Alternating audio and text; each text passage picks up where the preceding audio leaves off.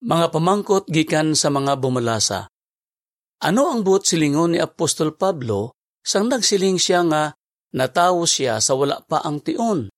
Unang Korinto 15.8 Sa unang Korinto 15.8, nagsiling si Pablo, Sa katapusan, nagpakita man siya sa akon nga daw subong nga natawo ako sa wala pa ang tion. Sang una, Ginpaathag naton nga posible nga ginapatuhuyan ni Pablo ang iya eksperyensya sang nakita niya sa palananawon si Jesus sa langit.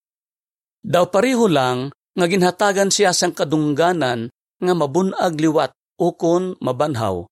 Kag makabaton sang espiritu nga kabuhi sa langit antes pa ini aktwal nga matabo ginatus ka tuig sang ulihi.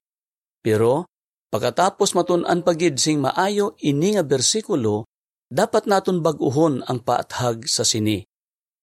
Ginapatuhoyan diri ni Pablo ang natabo sang nangin kristyano siya.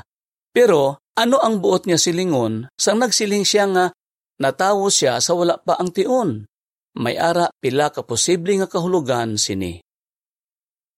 Gulpi kagrabigid ang epekto sang natabo sa iya. Wala gid ginapaabot kung ang isa ka bata matawo sa wala pa ang tion o kung kulang sa binulan.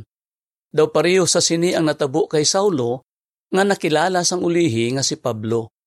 Sa nagapakadto siya sa Damasco para hingabuton ang mga Kristiyano didto, wala gid siya nagapaabot nga makita niya sa palananawon si Jesus nga nabanhaw na.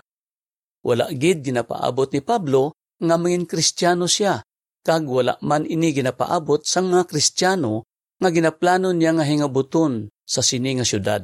Kag grabe gid ang epekto sa iya sini nga eksperyensya kay temporaryo siya nga nabulag. Nangin Kristiyano siya sa daw indi husto nga tion. Ang Gregong katinaga nga gin-translate na tao ako sa wala pa ang tion, pwede man i-translate nga natawo sa indi pa oras. Amo ini ang mabasa sa ang pulong sang Dios.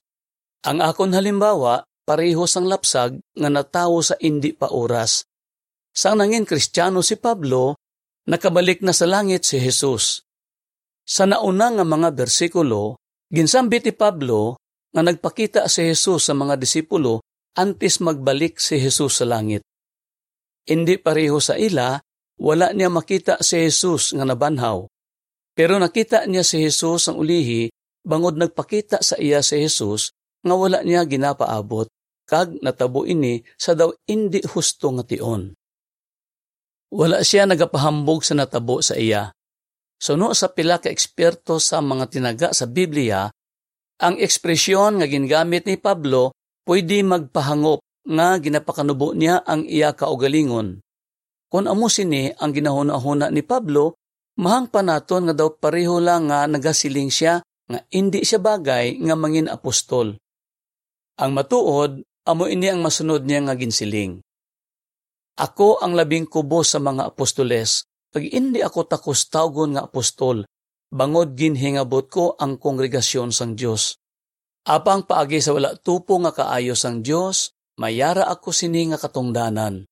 Unang Korinto 15:9 kag 10. Gani, posible nga ginapatuhuyan ni Pablo ang gulpi kag wala ginapaabot nga pagpakita sa iya ni Jesus. Ang daw indi husto nga tion nga nangin kristyano siya, ukon ang pagbatyag niya nga indi siya bagay nga mangin apostol nga makakita kay Jesus sa palananawon.